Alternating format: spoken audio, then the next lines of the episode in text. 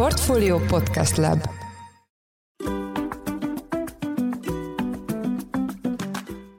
Sziasztok! Ez a Portfolio Business Podcast új adása, ami a Hold alapkezelő támogatásával jelenik meg. Én Nagy Viktor vagyok, a műsor mai házigazdája. Az adásban szó lesz az idén várható befektetési környezetről, a megváltozó ügyfél attitűdökről, és általában milyen folyamatok állíthatnak egy-egy befektetés hátterében.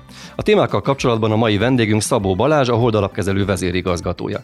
Szervusz Balázs, üdvözöllek a stúdióban. Szia Viktor, köszöntöm a hallgatókat. Na Balázs, az első ilyen bemelegítő jellegű kérdésem az az lenne, hogy mióta te vezérigazgató igazgató vagy, hogyan tolódtak el az életedben a munkáddal kapcsolatban a hangsúlyok? Tehát, hogy korábban azért alapkezeléssel foglalkoztál, figyelted a makrogazdasági folyamatok, a stockpicking, stb., de azért gondolom, hogy azért egyre több olyan feladatod van, amilyen menedzsment tevékenység. Szóval a kérdés az az, hogy mennyire tartod még rajta a piac ütőerén a mutató újadat? Így van, én 8 éve dolgozom a Hold alapkezelőnél, és eddig ez az első és utolsó munkahelyem, és valóban én elemzőként, portfóliókezelőként dolgoztam, van egy alapom, a Hold Expedíció alap, amit én kezelek, ezt én már 6 éve csinálom, és hát nagyon megváltozott, azt kell, hogy mondjam, tehát a Hold alapkezelő az egy százfős cég, úgyhogy azzal, hogy élettem a vezérigazgató, rengeteg menedzsment probléma és menedzsment megoldással kell foglalkozni, és azt kell mondjam, hogy átalakultak a mindennapjaim.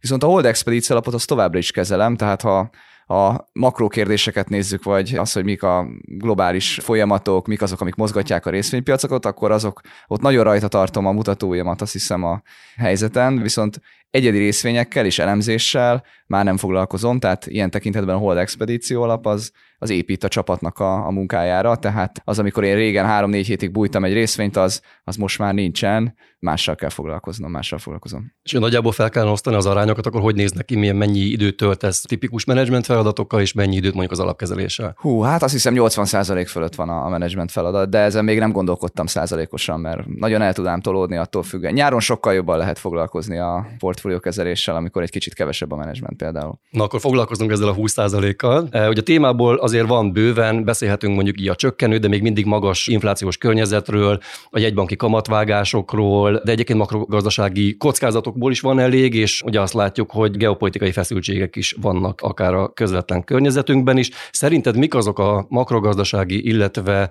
geopolitikai folyamatok, amik idén hatnak a befektetések világára? Kezdem inkább egy makrogazdaságival, bár való igaz, hogy most rengeteg szó esik a geopolitikáról, és hogyha négy éve a portfóliókezelőknek szakértőnek kellett lenni a Covid-ban, aztán meg két éve a háborúban, akkor most, most mindenki mindenhol geopolitikai kockázatokat lát, természetesen én is. De hogy még erre kicsit később kanyarodjunk szerintem rá, van egy érdekes gazdasági folyamat, amit én úgy fogalmaznék meg, hogy újra gyorsuló inflációt azt, azt senki sem lát. Szerintem mindig akkor izgalmas egy makrogazdasági folyamat, hogyha a, a piacon a befektetők azok egy irányba néznek, és egyféle irányt látnak. És nekünk az a munkánk, hogy megpróbáljuk egyrészt látni, nem csak azt, hogy szerintünk mi a jó befektetés, és mint egy laboratóriumi körülmények között ezt kitalálni, hanem, hanem hogyha elemzünk, akkor azt hasonlítjuk a, a piac egészéhez. Tehát olvassuk nagy befektetési elemzőházaknak az írásait, mindenféle alapkezelési kérdőíveket, alapkezelők által kitöltött kérdőíveket nézünk, felméréseket nézünk, tehát próbáljuk megnézni, hogy hol tart a piac. És szerintem ez egy nagyon érdekes dolog idén, hogy mindenki abban a bűvöletben van, hogy hát magas volt az infláció, az egy probléma volt két évvel ezelőtt, egy évvel ezelőtt, de hát ez oldódik folyamatosan, és azt kell nézni, hogy a mondjuk most 3-4 százalék közötti amerikai infláció az, az szépen jön le, és mennyire gyorsan éri majd el a 2 százalékot. És hát azzal párhuzamosan, hogyha 2 százalék lesz az amerikai infláció, akkor hát nem várhatunk mást a a Fed, az amerikai jegybank az mindenképpen kamatot fog csökkenteni, tehát azt kellene megtippelgetnünk, hogy a Fed az mennyire gyorsan fog kamatot csökkenteni. És akkor van igazából probléma, ha, ha ebbe a rendszerbe valami másképp alakul. Mi van, ha esetleg az történik, hogy az amerikai bérek, amik most jelenleg 5%-kal nőnek, azok nem tudnak igazából valamiért lejjebb menni, kialakult esetleg egy árbérspirál, mégis túlfűtött a gazdaság, és ez nem, nem fog annyit csökkenni, mint várják, akkor valószínűleg az infláció sem fog 2% alá menni, sőt, tartósan szinte egészen biztosan nem. Ugye az egy komoly reálbéremelkedést jelentene, hogyha nominális béremelkedés az 5% fölött lenne, és egyébként meg 2% alá menne az infláció. Ez egy olyan termelékenység növekedést várna az USA-ban, ami az elmúlt években nem igazolódott, hogy az, hogy az megtörténhetne. Tehát, hogy én azt gondolom, hogy ez annyira nem lejátszott, mint ahogy most azt a, ezt a piaci befektetők kezelik. Természetesen egyébként én is azt gondolom, hogy ugye a konszenzus gondol valamit, de szinte mintha mindenki a 100% ezt gondolná. Én is azt gondolom, hogy ez a valószínűbb, hogy egyelőre afelé tartunk, hogy csökken az infláció, Kérdés, hogy hol áll meg. Én nem lennék annyira biztos benne, hogy nem tudom, majd boldogan egy év múlva itt ülünk, és azt mondjuk, hogy másfél százalék az amerikai infláció, és, és az egész kérdés letudódott. Tehát van rá hogy nem így lesz. Ha nem így lesz, akkor minden borul, ami most történik. Az amerikai részvénypiacon, az amerikai kötvénypiacon, tehát akkor, akkor egészen más. Tehát én kontrariánus módon gondolkodom, én nem azt nézem, hogy nem a trendre szeretek fel, hanem keresem azokat a pontokat, ahol esetleg a többiek félrenézik. Szerintem ez egy nagy makrogazdasági folyamat, amit lehet, hogy félrenéz a befektetők többsége hogyha ez nem az alapforgatókönyvetek, hanem egy ilyen Black Swan jellegű esemény, erre hogyan készültök? Erre úgy lehet készülni, hogy lehet rá például opciókat venni a piacon, és hogyha ugye, ahogy mondtam, a befektetők nagyon nagy hányada azt gondolja, hogy ez, ez egy nem reális szenárió, akkor nagyon olcsók az opciók, amik, amikkel ezt lehet kereskedni. És ez tényleg így van. És hangsúlyozom egyébként, hogy én egyre inkább azt látom, mióta dolgozom, hogy a piac az halad arra, hogy nagyon rövid távot nézi, és nagyon a rövid. És hangsúlyozom, hogy itt nem az egynapos opciókról van szó. Most olvastam egy elemzést, hogy ma már az amerikai opciós piacnak a kereskedésének a felét azt teszi ki, hogy az emberek egynapos, vagy úgynevezett ilyen nulla napos, tehát gyakorlatilag a mai napra fogadnak. Ez az opciós piac teszi ki a piacnak a felét. Tehát ez nagyon durva. Én nem erről az opciós piacról beszélek természetesen. Én a mondjuk inkább a éves vagy éven túli opciós piacról beszélek. Tehát azt gondolom, hogy olcsó lehet fogadni arra, nem mondom, hogy ingyen, mert nyilván nem ingyen, de szinte ingyen lehet fogadni arra, hogyha egyébként valami nagyon más történik, mint ami be van árazva a piacban, akkor azt vagy le tudjuk fedezni ezt a helyzetet, vagy akár keresni tudjunk rajta. Tehát én azt gondolom, hogy, hogy erre megvan a, a, technika és a módszer. És egyre inkább, ezt még akarom mondani általánosságban, hogy egyre inkább tényleg ez egy fontos dolog, hogy szerintem amin a hosszú távon tud valamit az ember, akkor arra könnyebb fogadni, mert arra egyre kevesebben fogadnak. Mindenki rövid távra fogad, mindenki rövid távot nézi. Hosszú távon egyre kevesebben játszanak. Fundamentális elemzéssel, értékalapú befektetéssel egyre kevesebben foglalkoznak. Ez, ez látszik a statisztikákból. És azt gondolom, hogy annál izgalmasabb egy piac, minél kevesebben foglalkoznak vele, ugye nagyon leegyszerűsítve mindenki mondhatja, ismeri a saját iparágát, akkor azt mondja, hogy ha kevesebb a versenytárs, akkor remélhetőleg én is jobban fog teljesíteni, én is, én is ezt a szemléletet követem. Na de akkor az alapforgatókönyvetek ezek szerint mégiscsak az, hogy alapvetően egy csökkenő inflációi környezet várható a következő időszakban. Így van. Ugye azt láttuk, hogy tavaly részvények kifejezetten jól teljesítettek, az arany is szépen ment, a kriptoeszközökön is lehetett keresni. Szerinted milyen eszközosztályok lehetnek idén nyertesek? Hát rögtön hogy kezdjem inkább egy pessimista megjegyzéssel a nyertesekkel szemben, hogy Szerintem tavaly ilyenkor sokkal jobb lehetőségek voltak a piacon, szinte minden eszközosztályban. Tehát régiós részvények bezuhantak, mert itt volt a háború, mert mindenki félt attól, hogy az energiaárak azok nagy problémát okoznak a gazdaságban. Az amerikai technológiai piac sokkal lentebb volt, hogy idézek mondjuk egy, egy példát, hogy a meta részvény akkor volt 100 dollár alatti árfolyamon, most már 400 fölötti árfolyamon mozog, tehát hogy szerintem egészen más a helyzet most. Én az első üzenet, amit erre tudok válaszolni, az az, hogy az látszik, hogy most szerintem óvatosabbnak kell lenni. Én azt gondolom, hogy mindig vannak olyan eszközosztályok, és ilyenek az értékalapú befektetések továbbra is, ahol, ahol lehet találni olcsó befektetéseket. Tehát én nem úgy kezelem a kérdést, hogy azt gondolnám, hogy vagy az amerikai részvénypiac az olcsó, vagy az európai részvénypiac az olcsó, vagy a japán részvénypiac, hanem ezeken belül egyedi részvényeket kell keresni. Amit az előbb mondtam, hogy nekem erre már sajnos nincs időm, de a kollégáim azok a idejük döntő többségében ezzel foglalkoznak hogy mégis válaszoljak egy eszközosztályt kérdésedre. Én azt gondolom, hogy az európai részvénypiacra érdemes egy szót ejteni. Ott az a nagy izgalom, hogy ha most valakit megkérdeznénk, egy gazdasági szakértőt, vagy aki erről olvas, hogy milyen most az európai gazdaság, akkor valószínűleg azt válaszolná, hogy hát inkább gyenge. Ugye itt volt az energiaársok, amúgy is vannak tehát rövidtávú problémák, ipar gyenge, valahogy nem arra halad a világ, mert Európának jó lenne, a technológiai szektor lesz a fontosabb, német ipar gyengélkedik, Kínával kérdés, hogy el lehet ott adni autókat, tehát egy csomó, csomó probléma eszébe jut valakinek, hogy, hogy mennyi probléma van Európában, és ez, ez így igaz, ezt nehéz tagadni mondjak még egy, USA-ban 2-3 százalékos GDP növekedés volt tavaly, Európában, Eurozónában fél százalékos, tehát nem tudjuk azt mondani, hogy a európai jól szerepelni. És ennek ellenére az európai részvénypiac csúcson van. Mondhatnék példákat, hogy a DAX, a német index, a Eurostox 50, a Stox Europe 600, stb. stb. Tehát van jó néhány európai index, amin ezt lehet látni, és hogy hogy ez miért van, ez, ez egy nagyon érdekes kérdés, és nem, nem tudok rá nagyon exakt választ adni, de azt gondolom, hogy európai részvénypiac az hosszú távon, az egy nagyon utált részvénypiac.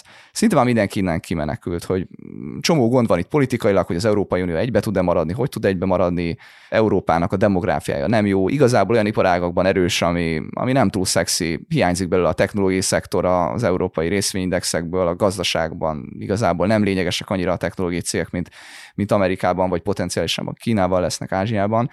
Úgyhogy én azt gondolom, hogy Európa már hosszú távon volt annyira olcsó, hogy és hosszában volt annyira utált, hogy már egy ilyen nem olyan pozitív helyzetben is csúcsra tud menni, ez valami jó jel, azt gondolom, tehát hogyha esetleg még Európa, nem tudom, erősödni tud középtávon, tehát a gazdasági mutatók esetleg jobban néznének ki, mint ahogy most kinéznek, akkor Európa, európai részvénypiac az, az talán még tovább tud menni. Úgyhogy én azt gondolom, hogy én nem az európai részvényindexben hiszek, én a, ahogy az előbb említettem, abban hiszek, hogy meg kell keresni az egyes részvényeket, amik el vannak dugva, szerintem azon lehet jó pénzt keresni, de úgy önmagában ezt a jelenséget elég izgalmasnak tartom. Azon gondolkodtam az alapján, amit mondtál, hogy vajon ti technikai elemzést használtok-e az elemzési eszköztáratokban, vagy alapvetően fundamentális szemszögből közelítitek meg a történeteket, de mondjuk egy nagyon távolról nézve mondjuk havi grafikonokat nézegettek-e, és hogyha igen, akkor mondjuk mit csináltok abban az esetben, hogyha mondjuk történelmi csúcson lévő eszközöket láttok. Tehát mondjuk a általad említett mondjuk német részvényindex, a DAX, de akár az S&P 500 is mondhatnánk, vagy a japán tőzsde, tehát mit csináltok, amikor ilyet láttok? A csapat többsége nem foglalkozik technikai mutatókkal. Tehát mi tényleg hosszú távon gondolkodunk, fundamentálisan gondolkodunk.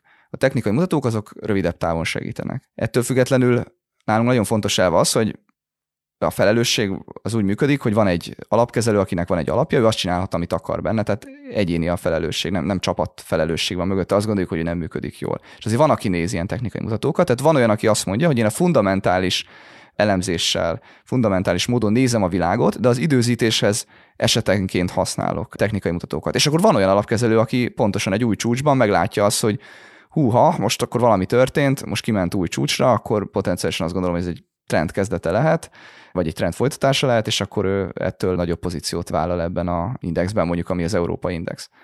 Vagy akár a japán indexet is említetném, ami szintén egy nagyon érdekes kérdés. Japánban talán 30 éve megszokott folyamatok változhatnak meg azzal, hogy a világban lett infláció, talán Japán se tudja elkerülni az inflációt. Japánban mindig nagyon utált volt az, hogy a vállalatoknak az igazgatósága, a tulajdonosi struktúrája hogyan működik. Egyébként Japán az nagyon hasonló Korea, és hogy most talán változik, és talán az úgynevezett corporate governance az, az Japánban pozitívabb lesz. Tehát van egy csomó dolog, amiből, amiből az következik.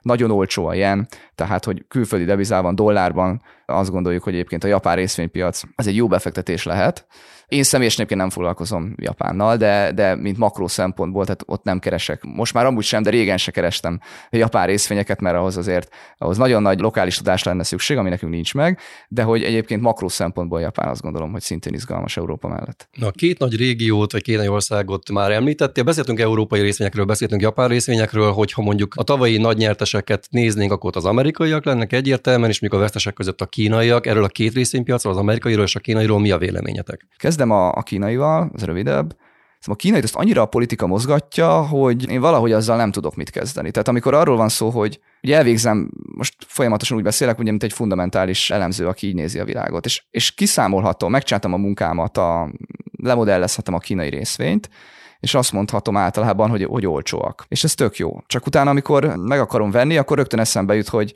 mi van, ha kitiltják a nyugati befektetőket a kínai piacról, mi van, ha kínai állam hirtelen lép egy olyat, ami ellentétes azzal, amit én gondoltam. Tehát piaci folyamatokat azt gondolom, hogy sokkal egyszerűbb előrejelzni, mint politikusoknak a döntéseit. És azt gondolom, hogy a kínai részvénypiac az, az nagyon erősen fog szólni politikusoknak a döntéseiről. Akár csak belső politikáról beszélünk, de hát mondjuk tegyük fel a kérdést, mi történik, ha megválasztják Amerikában Donald Trumpot amerikai elnöknek. Tehát én emiatt egy óvatos lennék a kínai részvénypiacsal. Nehezen látom a triggert, hogy önmagában ez az olcsóság, ez ez hogyan tud a pozitív irányba fordulni. Hogy mondjak egy példát, Oroszország is nagyon olcsó volt igazából, gyakorlatilag már a 2009-es válság óta. Sokszor ott öt évnyi profitot kellett fizetni egy vállalat, ötös price per earning mutatón forogtak az orosz cégek. Nagyon olcsók voltak. Csak felmerült a kérdés, hogy ezt kifizetik egyáltalán osztalékba, és aztán megjött egy ilyen nagyon durva negatív sok, hogy kitört a háború, és nyugati befektetőként mondhatjuk azt, hogy nullázott általában a befektetés, az orosz részvénybefektetés. Tehát Kínával kapcsolatban óvatos lennék, attól függetlenül egyébként fundamentálisan azt gondolom, hogy olcsó. És akkor Amerika, Amerika nagyon izgalmas, ugye szét kell választani szerintem Amerikát két felé. Van a Magnificent Seven, annak már volt sok neve, kicsit mindig alakulnak ezek. Volt, úgy, úgy hívtuk, hogy Fang, volt, úgy hívtuk, hogy Big Tech. Nem pont ugyanaz, mert akkor még Netflix volt a embetű, és nem Nvidia, mint most, tehát hogy nyilván itt alakulnak a dolgok, de a Apple, Google, Meta az mindegyikben szerepelt, és ez a hét részvény, ez elképesztően megy fölfelé, hiszen a befektetők többség azt gondolja, hogy ők óriásit fognak profitálni a mesterséges intelligencián keresztül. A bevétel oldalon is, hiszen az a helyzet, hogy ma ők érik el a technológia oldalról a, az ügyfeleket, és még ha startupok is fogják csinálni esetleg az új ötletet, akkor is, mint ahogy most láttuk a Microsoft és az OpenAI közös bizniszében, az látszik, hogy hát kell a nagy cég, ami, ami majd segít. Kicsit olyannak tűnik ez most, mint amikor a, a Big Pharma, hogy a Big Pharma mindig létezni fog, mert hogy kell a nagy cég, kell a sok jogász, kell, aki az FDA-nél tudja csinálni a bevezetést, és lehet, hogy a biotech részvény fogja majd az új molekulát kitalálni, de hogy lesz egy ilyen közös, közös munka a nagy cégekkel. És hogy nehéz most elképzelni, hogy ez a néhány nagy cég ez nem fog profitálni abból, hogy egyébként a mesterséges intelligencia teret fog nyerni, és egy csomó épít.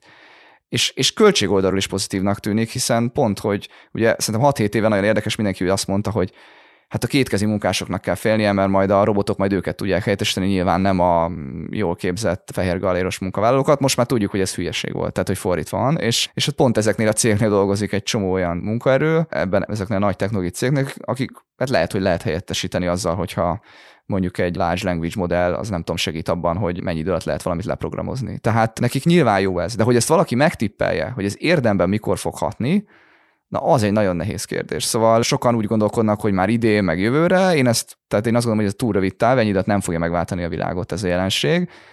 5-10 évben gondolkodva nem tudom megmondani. És azt sem tudom megmondani, hogy mekkora nyertesek lesznek. Ők azért versenyezni fognak egymással, tehát azt nem mondanám, hogy nem lesz egyébként ebben a helyzetben is verseny.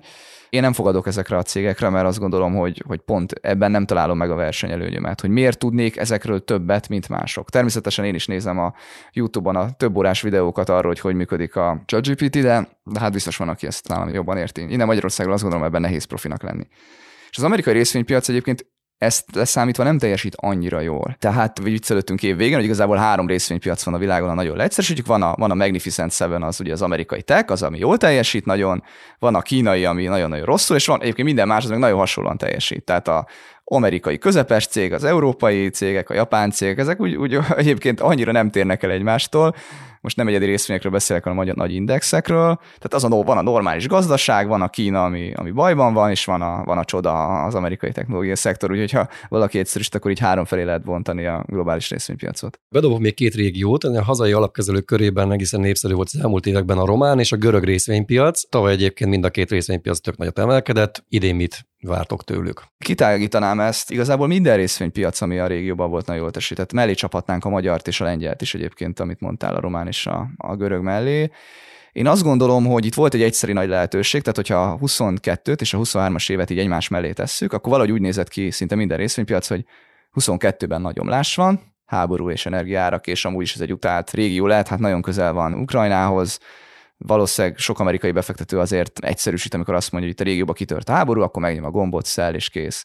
Itt óvatosnak kell lenni. Nem, nem kezd el egyedi részvényben, mert melyik az a cég, akinek van erre kitettsége, van orosz kitettsége, melyik az a cég, ami nem. Tehát én azt gondolom, hogy 22 őszén elképesztően jó lehetőségek voltak a, a piacon. Én magam is nagy kockázatot vállaltam a Hold Expedíció alapban, és viszont ez a lehetőség azért elmúlt 23 év végére, tehát most maradva, most a lengyel piacnak ismerem a számát, azért mondom az, de ugyanez igaz egyébként szinte minden más régiós piacra, hogy mondjuk dollárban nézve a lengyel LTF az mondjuk 20 dollár körül volt, leesett 10 dollárra, és aztán visszament 20 dollárra, csak hogy nagyon egyszerűen érthető legyen.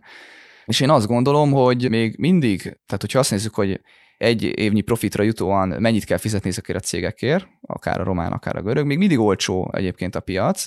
Igaz, hozzá kell tenni, hogy azért a profitok most nagyon jól néznek ki, azért, mert a bankszektor meg az energiaszektor a túlnyomó többsége ezeknek a régiós piacoknak, tehát Görögországban is így van, Romániában is, Lengyelország nagyon ilyen.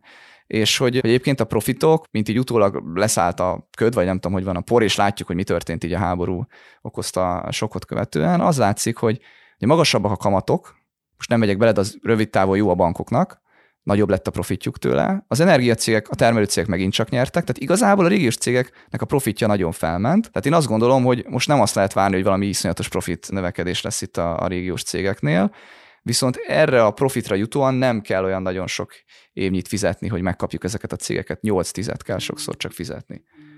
Ebből az következik, hogy azt kell nézni, hogy egyébként ez a profit fenntartható lesz-e vagy, vagy sem itt a, a régiós bankoknál. És akkor rátérve a, a kérdésedre, én azt gondolom, hogy a görög sztori az azért érdekes, mert hogy mert hogy ott volt egy ilyen nagyon negatív pszichológia tíz évig. Tehát Görögország egészen extrém. Tehát az, hogy egy ország elveszti a GDP-nek 25%-át, azért azt úgy keresni kell az interneten sokat, mire találunk ilyet. Biztos lehet, de, de azért nagyon kell keresni.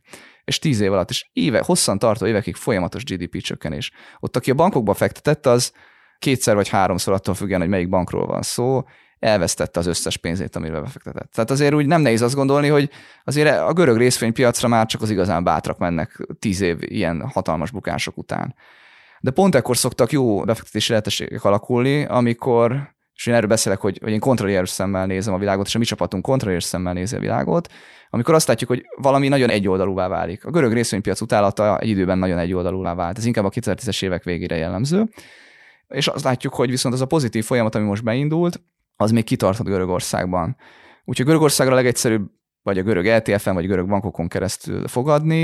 Én azt gondolom, hogy itt is azért a nagy lehetőség már, már elment, tehát én azt gondolom, hogy fölfele fognak még menni a görög bankok, de négyszerezni már nem fognak, mint ami az elmúlt években történt, meg hatszorozni már nem biztos, hogy fognak, sőt, én azt gondolom, hogy nem fognak.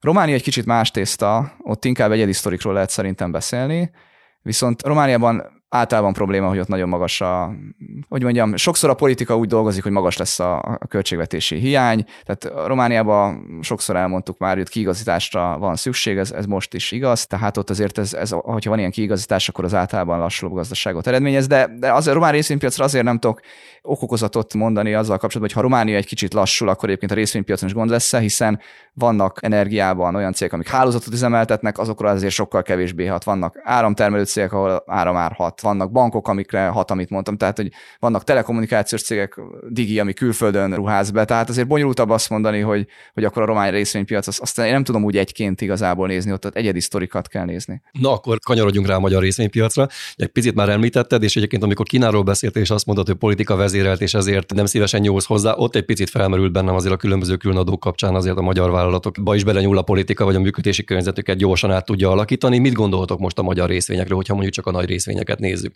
Azért azt láttuk, hogy az elmúlt időszakban ezek nagy nyertesei voltak a, a folyamatoknak, a Magyar Telekom ára árfolyama duplázódott egészen rövid idő alatt, az OTP is sokat ment, a Richter is nagyot emelkedett. Most mit láttok bennük? Hát amit mondtam a régióra, hogy, hogy felezünk, aztán duplázunk, az egy kicsit itt is megtörtént. Tehát most az OTP részvény árfolyamát nézzük, akkor nem tudom pontosan honnan esett, nem tudom, 18 erről leesett 9000 forintra, aztán most nem tudom, 17 ezer nagyjából a, a mai nap akkor a Richter részvény az egy nagyon defenzív részvény, az nem tudott lefelezni, de az is nagyot esett, 9000 pár százról esik 6000-re, most megint visszament. Tehát, hogy igazából ez a minta itt is működött. A MOL meg a Magyar Telekom az kicsit más. Be, belemegyek egyesével, és akkor érthetővé válik. Én amivel legkevésbé akarok foglalkozni, ez a MOL. Én a mol nem tudok ilyen értelemben mit kezdeni, valóban a politikai kérdések miatt. Nyilván sok oka van, azért is, mert energiacégről van szó, azért is, mert vannak ennek egyedikai, de a MOL az azt gondolom, hogy nagyon függ a magyar politikai döntésektől, és ilyen, ami, ami akkora függés, ott én, ott én nem annyira szeretek befektetni. A fundamentális alapon elemezzük a MOL-t, akkor azt gondolom, hogy egyébként egy olcsó cég, de ahol nem tudjuk, hogy a letermelt pénzt ezt meg fogja kapni a befektető, ott, ott azt gondolom, hogy van egy határ, hogy az ember meggondolja, hogy befektet el. És ilyen szempontból a másik három cég az egészen különböző. Richterben is van tulajdon, de azt gondolom, hogy azért nincs ennyire erős összefüggés a magyar állammal, nyilván van külön adó, stb., de azért sokkal kisebb ez a függés. Én a Richtert egy jó cégnek gondolom olyan szempontból befektetésre, hogy ott van a, van a Vrylár nevű gyógyszer, ami majdnem teljesen Amerikából jön a pénz, a cashflow, és az a 2020-as évek végéig folyamatosan termelni fogja a pénzt. Ez ad egy ilyen alsó határt a, a Richternek. Én mindig úgy elemeztem a Richtert, hogy ha mondjuk ez 6-7 ezer forintot kitesz a Richter árfolyamából, akkor innen indulunk, hiszen ez a pénz persze sose biztos semmi, de, de nagy valószínűséggel beérkezik, és akkor a Richternek az egyéb részeit kell beértékelni ezen a gyógyszeren kívül. Richter inkább azzal küzd pont, hogy a, a többi rész az, az hogy tud majd fenntarthatóan értéket teremteni. Tehát megvan ez a csoda gyógyszer, ami rengeteg pénzt csinál, és azt kell az elemzőnek elemezni, meg gondolkodni, hogy egyébként a Richternek az egyéb részei azok, azok mit érnek. Én azt gondolom, hogy a Richter az inkább most egy, egy jó befektetés, mint egy, mint egy rossz befektetés, de Richtert személyesen is elemeztem, úgyhogy ebben sokkal inkább képbe vagyok, mint a másik három cégben. A Telekom, Magyar Telekomról beszélve, ott én azt gondolom, hogy, hogy ott nagyon érdekes, valaki ránéz az árfolyamra, tehát iszonyatos szenvedés, mi is iszonyatosan szenvedtünk, mi fundamentális befektetőnként azt gondoltuk, hogy ez a részvény olcsó, volt 500 forint, 300 forint, 400 forint, mindig azt gondoltuk, hogy ez, ez nagyon jó befektetés, és ott azt húznám alá, hogy az, tehát tényleg lehet látni azt, amikor a, a csorda mondjuk egy irányba mozog, hogy a telekommunikációs szektorban általában soha senki nem hitte el, hogy ott lehet árat emelni mert ez nem egy szexi szektor, ugye nem volt inflációval, láttuk, hogy ami azt okozható, hogy árat lehet emelni. Úgyhogy azt gondolom, hogy már önmagában az, és most félretéve ott a corporate governance kérdéseket, amiben mi nagyon aktívak voltunk, részt vettünk a közgyűlésen, és szerettük volna, ha más osztalékpolitikát, hitelstruktúrát gondol optimálisnak a cég, mi azt gondoltuk, hogy máshogy optimális. Ez a két ok okozta, tehát az egyik az az, hogy mégis a telekommunikációs szektorban árat emeltek, illetve a corporate governance az nagyon erősen megváltozott a, a Magyar Telekomnál. Ez azt okozta, hogy szinte így az elmúlt 9-10 év árfolyamhoz képest duplázni tudott a Magyar Telekom. Egyébként még mindig nem gondolom azt, hogy ez egy rossz befektetés a Magyar Telekom így sem, de nyilván azt a, azt a poént, hogy ez duplázni tud, azért én azt gondolom, hogy, hogy azt elvesztette, tehát most tudod duplázni, nem gondolom, hogy még egyszer duplázni fog. És akkor van az OTP, ami ugyan szintén kitett a magyar államnak abban a tekintetben, hogy különadók bármikor jöhetnek, viszont a, a magyar részarány most már, ha jól tudom, ilyen 30-35 a jön a OTP profitjának Magyarországról. Azt kell mondjam, ezt, ezt nem, talán a magyar befektetők azok, azok mindig úgy néznek az OTP-re, hogy amikor esett, akkor meg kell venni, akkor felment, akkor majd eladjuk, de hogy az így a magyar proxy. De hogy hagyd tegyem azt hozzá, amit mi látunk, hogy az OTP-t azt nagyon-nagyon szerették, és még most egyébként szeretik. A COVID előtt volt egy tisztább világ, akkor az OTP az egy kedvence volt a külföldi befektetőknek. És miért? Azért, mert azt gondolták, hogy nagyon jó a menedzsmentje. Mert amik felvásárlásokat csinál a környező országban, azokat nagyon értékteremtőnek gondolták. Tehát, hogy ilyen szempontból az OTP-t szerintem a magyar kisbefektetők kevéssé hasonlítják össze mondjuk a lengyel hasonló cégekkel, úgy hívják, hogy PKO az a, az a legnagyobb bank, mondjuk OTP-nek a lengyelországi változata, azt egy amerikai, nyugat-európai befektető sokkal kevésbé szerette, mint az OTP-t. Azért, mert annak van állami tulajdona, sokkal kevésbé gondolta jónak a menedzsmentet, hogy ilyen szempontból a régióban az OTP kilógott egyébként, ezt az árazátsági mutatók is mutatták, hogy erre nagyon pozitívak voltak. Most nyilván itt bekavart, hogy aztán jött a háború, akkor, akkor nyilván ezek a mutatók elromlottak, most megint feljavultak, de hogy azt akarom mondani, hogy a OTP-ről az a közös véleménye a külföldi befektetői társadalomnak, hogy ez egy, ez egy jó cég, jól van menedzselve, és azért azt gondolom, hogy itt mondjuk egy mólhoz képest a politikai kockázatok is jóval alacsonyabbak. Úgyhogy én azt gondolom, hogy a, a nagy poén az ugyanúgy egy régióban megszűnt, tehát én nem gondolom, hogy most duplázni fognak a, ez a négy magyar részvény, de azt gondolom, hogy most nagyjából jól lehetnek árazva korrekt befektetések. A MOLT azt, azt hangsúlyoztam, hogy ezt kivettem ebből a portfólióból. Na, ha már magyar eszközökről beszélünk, azért nem tudjuk megkerülni azt, hogy a prémium magyar állampapírról is beszéljünk. Ugye az alapkezelők szeretik elmondani, hogy hát nincsen ezzel semmi baj, mert hogy végül is ez egy olyan termék, amit a portfóliókba be lehet tenni, és emellé kell választani valami mást is. De azért bennem azért mindig felmerül a kérdés, hogy mennyire nehéz versenyezni egy ennyire népszerű, és egyébként most az elmúlt időszakban kifejezetten jó kockázatmentes hozamot biztosító termékkel. Hát ha van egy támogatott, államilag támogatott papír, és azt kell nézni, hogy ez reálhozamba mennyit tud csinálni, akkor, és ez mondjuk 10 százalék, mint mondjuk idén, ugye ahhoz képest. Most ar- arról beszélek, aki még megvette még, ha jól emlékszem, talán november előtt, a idén körülbelül 17-18 százalékot fizető papírt, tehát most kizárólag erről a papírról beszélek, azzal természetesen hát hogy ne lenne nehéz versenyezni, hiszen, hiszen van egy ennyire sok ráhozam. Én azt látom, hogy a, az AKK azért azon dolgozik, hogy meg dolgozott itt az elmúlt hónapokban, hogy, hogy talán ennyire magas ráhozamot, hogy itt a ráhozam az extra, nem kell fizetni, hiszen a normális inkább azt adunk egy-két százalékért ráhozam támogatást. Ha utóbbiról beszélünk, nem tűnik erős versenytársnak. Hát nekünk is az a dolgunk, hogy ráhozamot csináljunk a befektetőinknek, küzdünk, hát most oké, okay, ők biztosan annak egy-két százalékot, jó dolog, de ha a részvénypiacokat bevonjuk a képbe, akkor ezt felül lehet teljesíteni. Ha, ha 10%-ot nézzük, akkor természetesen sokkal nehezebb a verseny. Ugye most lehet, hogy valaki elgondolkozik, hogy én miről beszélek, hogy mi, mi az a 10% ráhozom, hát oda van írva, hogy infláció plusz 0,25, meg infláció plusz fél. Ugye én itt arról beszélek, hogy itt ennek a papírnak a technikája miatt van egy késezetés a rendszerben, tehát idén már a hozamok, ezt mindenki látja, aki diszkontkincstárgyat vesz, hogy jó alacsonyabbak. 6% körül van szinte minden magyar kötvény. Ugye ehhez képest idén még 18%-ot fizet ez a papír.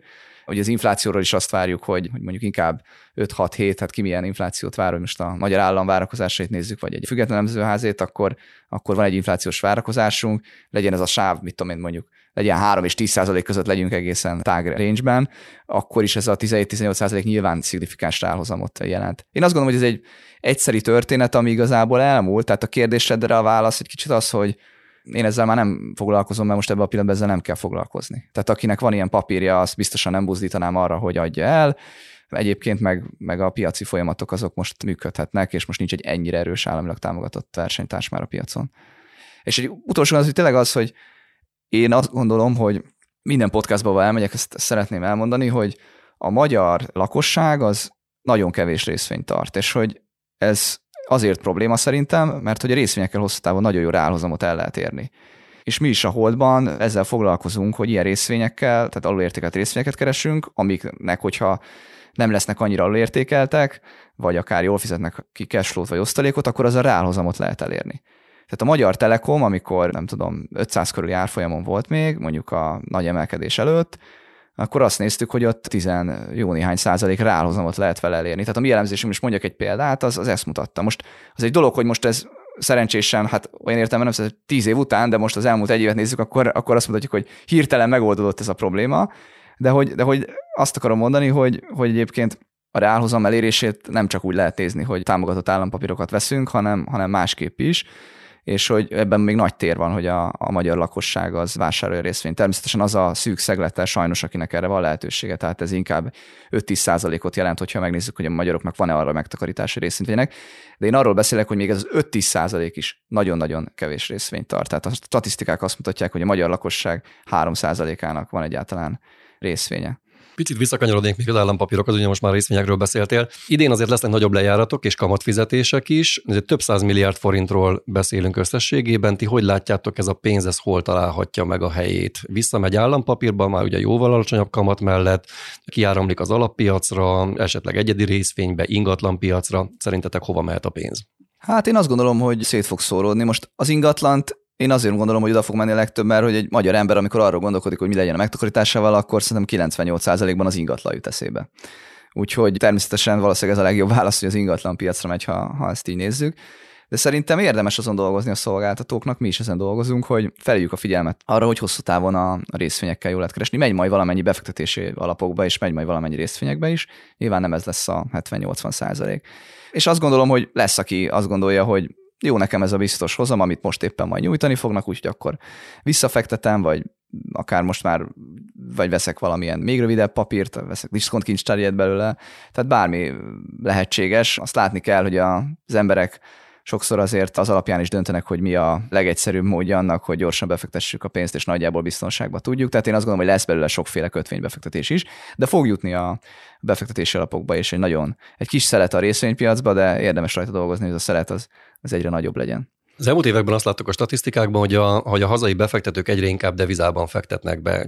Valószínűleg ti is ezt látjátok. Nagyjából hogy néznek most ki az arányok? Tehát, hogyha most bejön egy x-nyi ügyfélpénz, akkor annak mekkora része áramlik magyar eszközökbe, vagy forintos eszközökbe, és mekkora része áramlik mondjuk eurós vagy dolláros eszközbe. Van a privát vagyonkezelésünk, ahol ezt elég jól tudjuk mérni.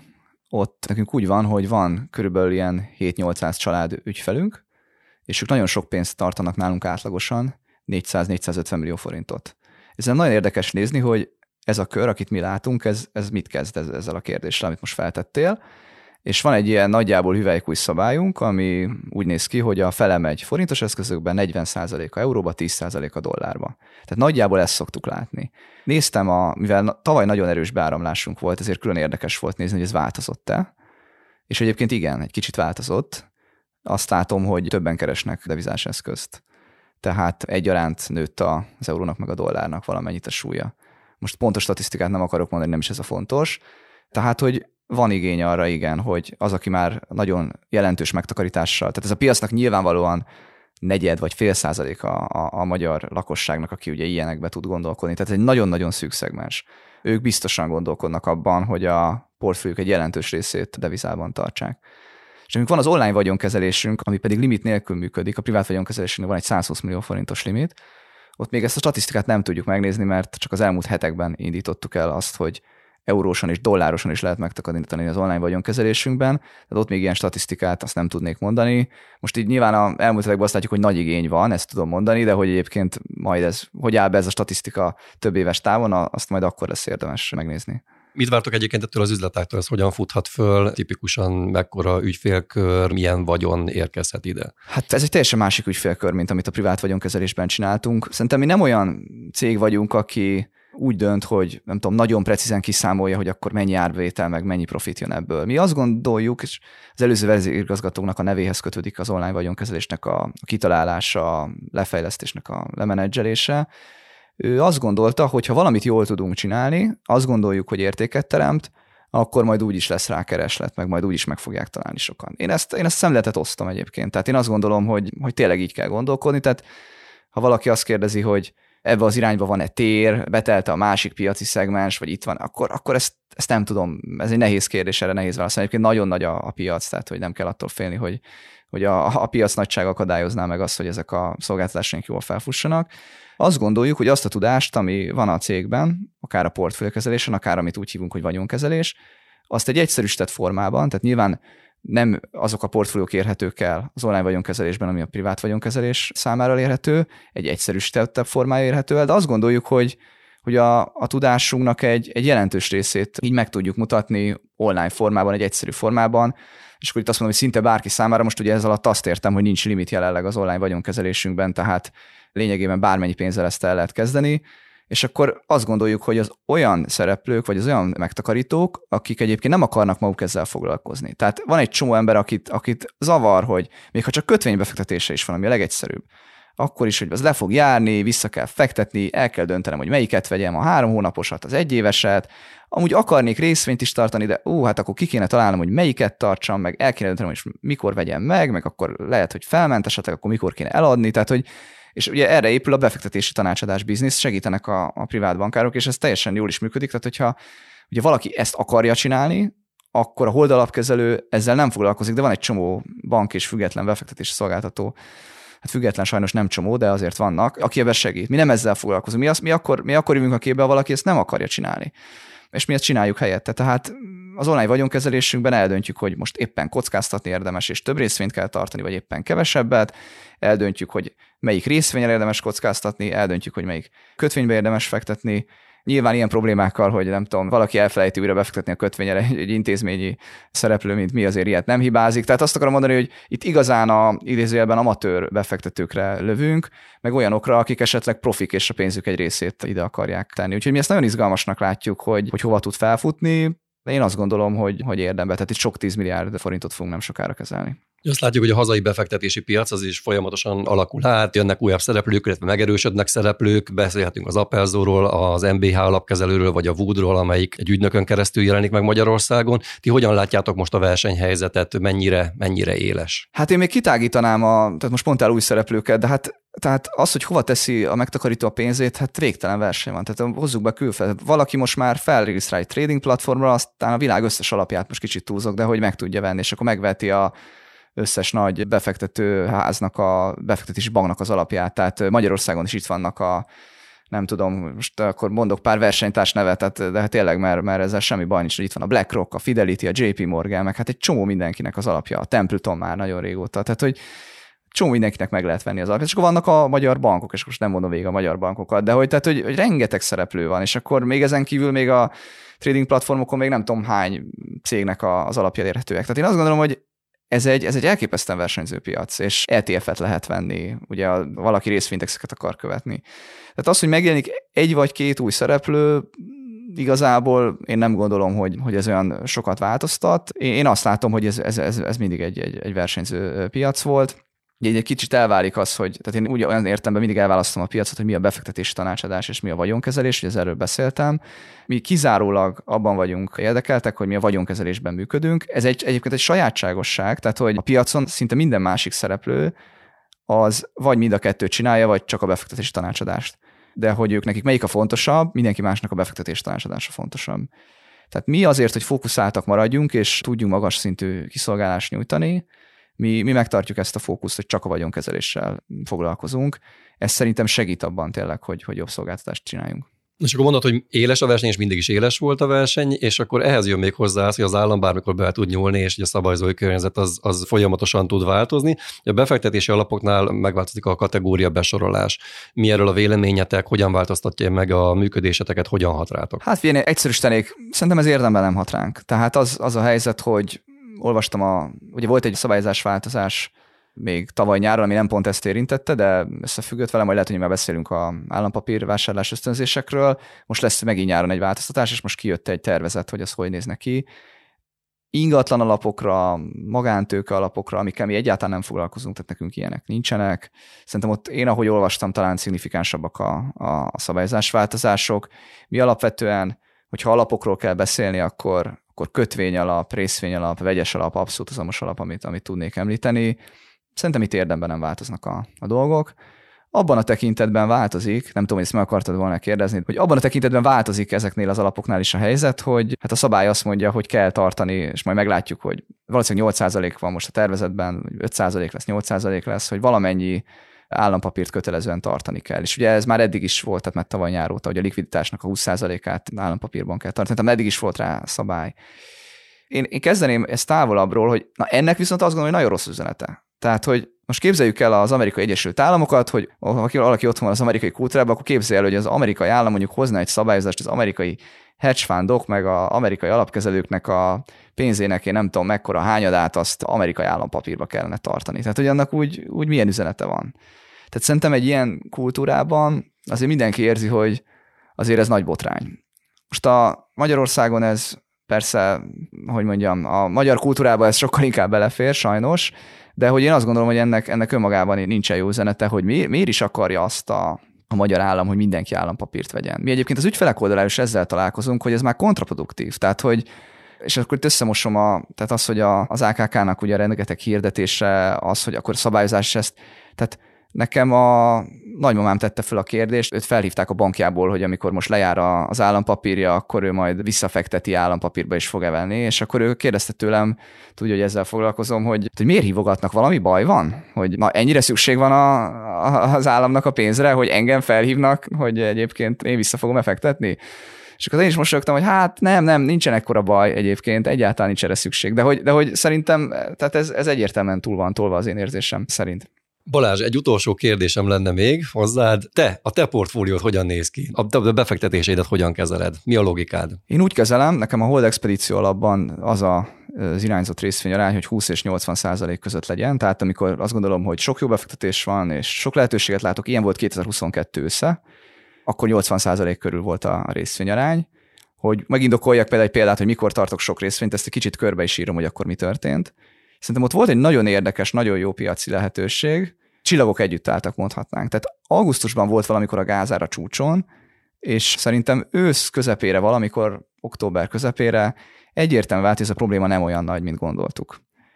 Nyáron nyilván elképesztő rémület volt. Tehát, hogyha 300 euró per megawattóra marad az európai gázár, akkor, akkor nem ott vagyunk, ahol most. De aztán látszott egyébként, hogy a, a piac működik. A kereslet oldal azt tudott, nem úgy értve a kereslet, hogy aki veszi az energiát, azt tudott alkalmazkodni. Látszott, hogy talán voltak ilyen pánikvásárlások nyáron. És akkor volt egy ilyen makró dolog, ami, ami támogatta a helyzetet. Ráadásul ez egybeesett egy helyzettel, hogy a részvények meg estek össze.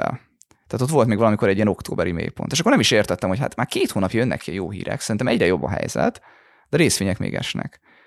Ráadásul ez egybeesett, hogy mi pont azon a piacon vagyunk szakértők, amik itt a probléma mellett voltak. Tehát ugye az említett régiós országok, nem mondom őket végig, de gyakorlatilag itt mindenki Ukrajna szomszéd. Úgyhogy szerintem ott nagyon jól együtt álltak a sírok, hogy na, ilyen helyzetbe lehet. Tehát már oldódik a makrohelyzet, még minden befektető utálja mi általunk jól ismert szektorokat, ebbe vagyunk pont szakértők, tényleg ennél jobb nincs. Tehát akkor nagyon sok, nagyon sok részvényt kell venni, és, és ez mondjuk jól el is sült.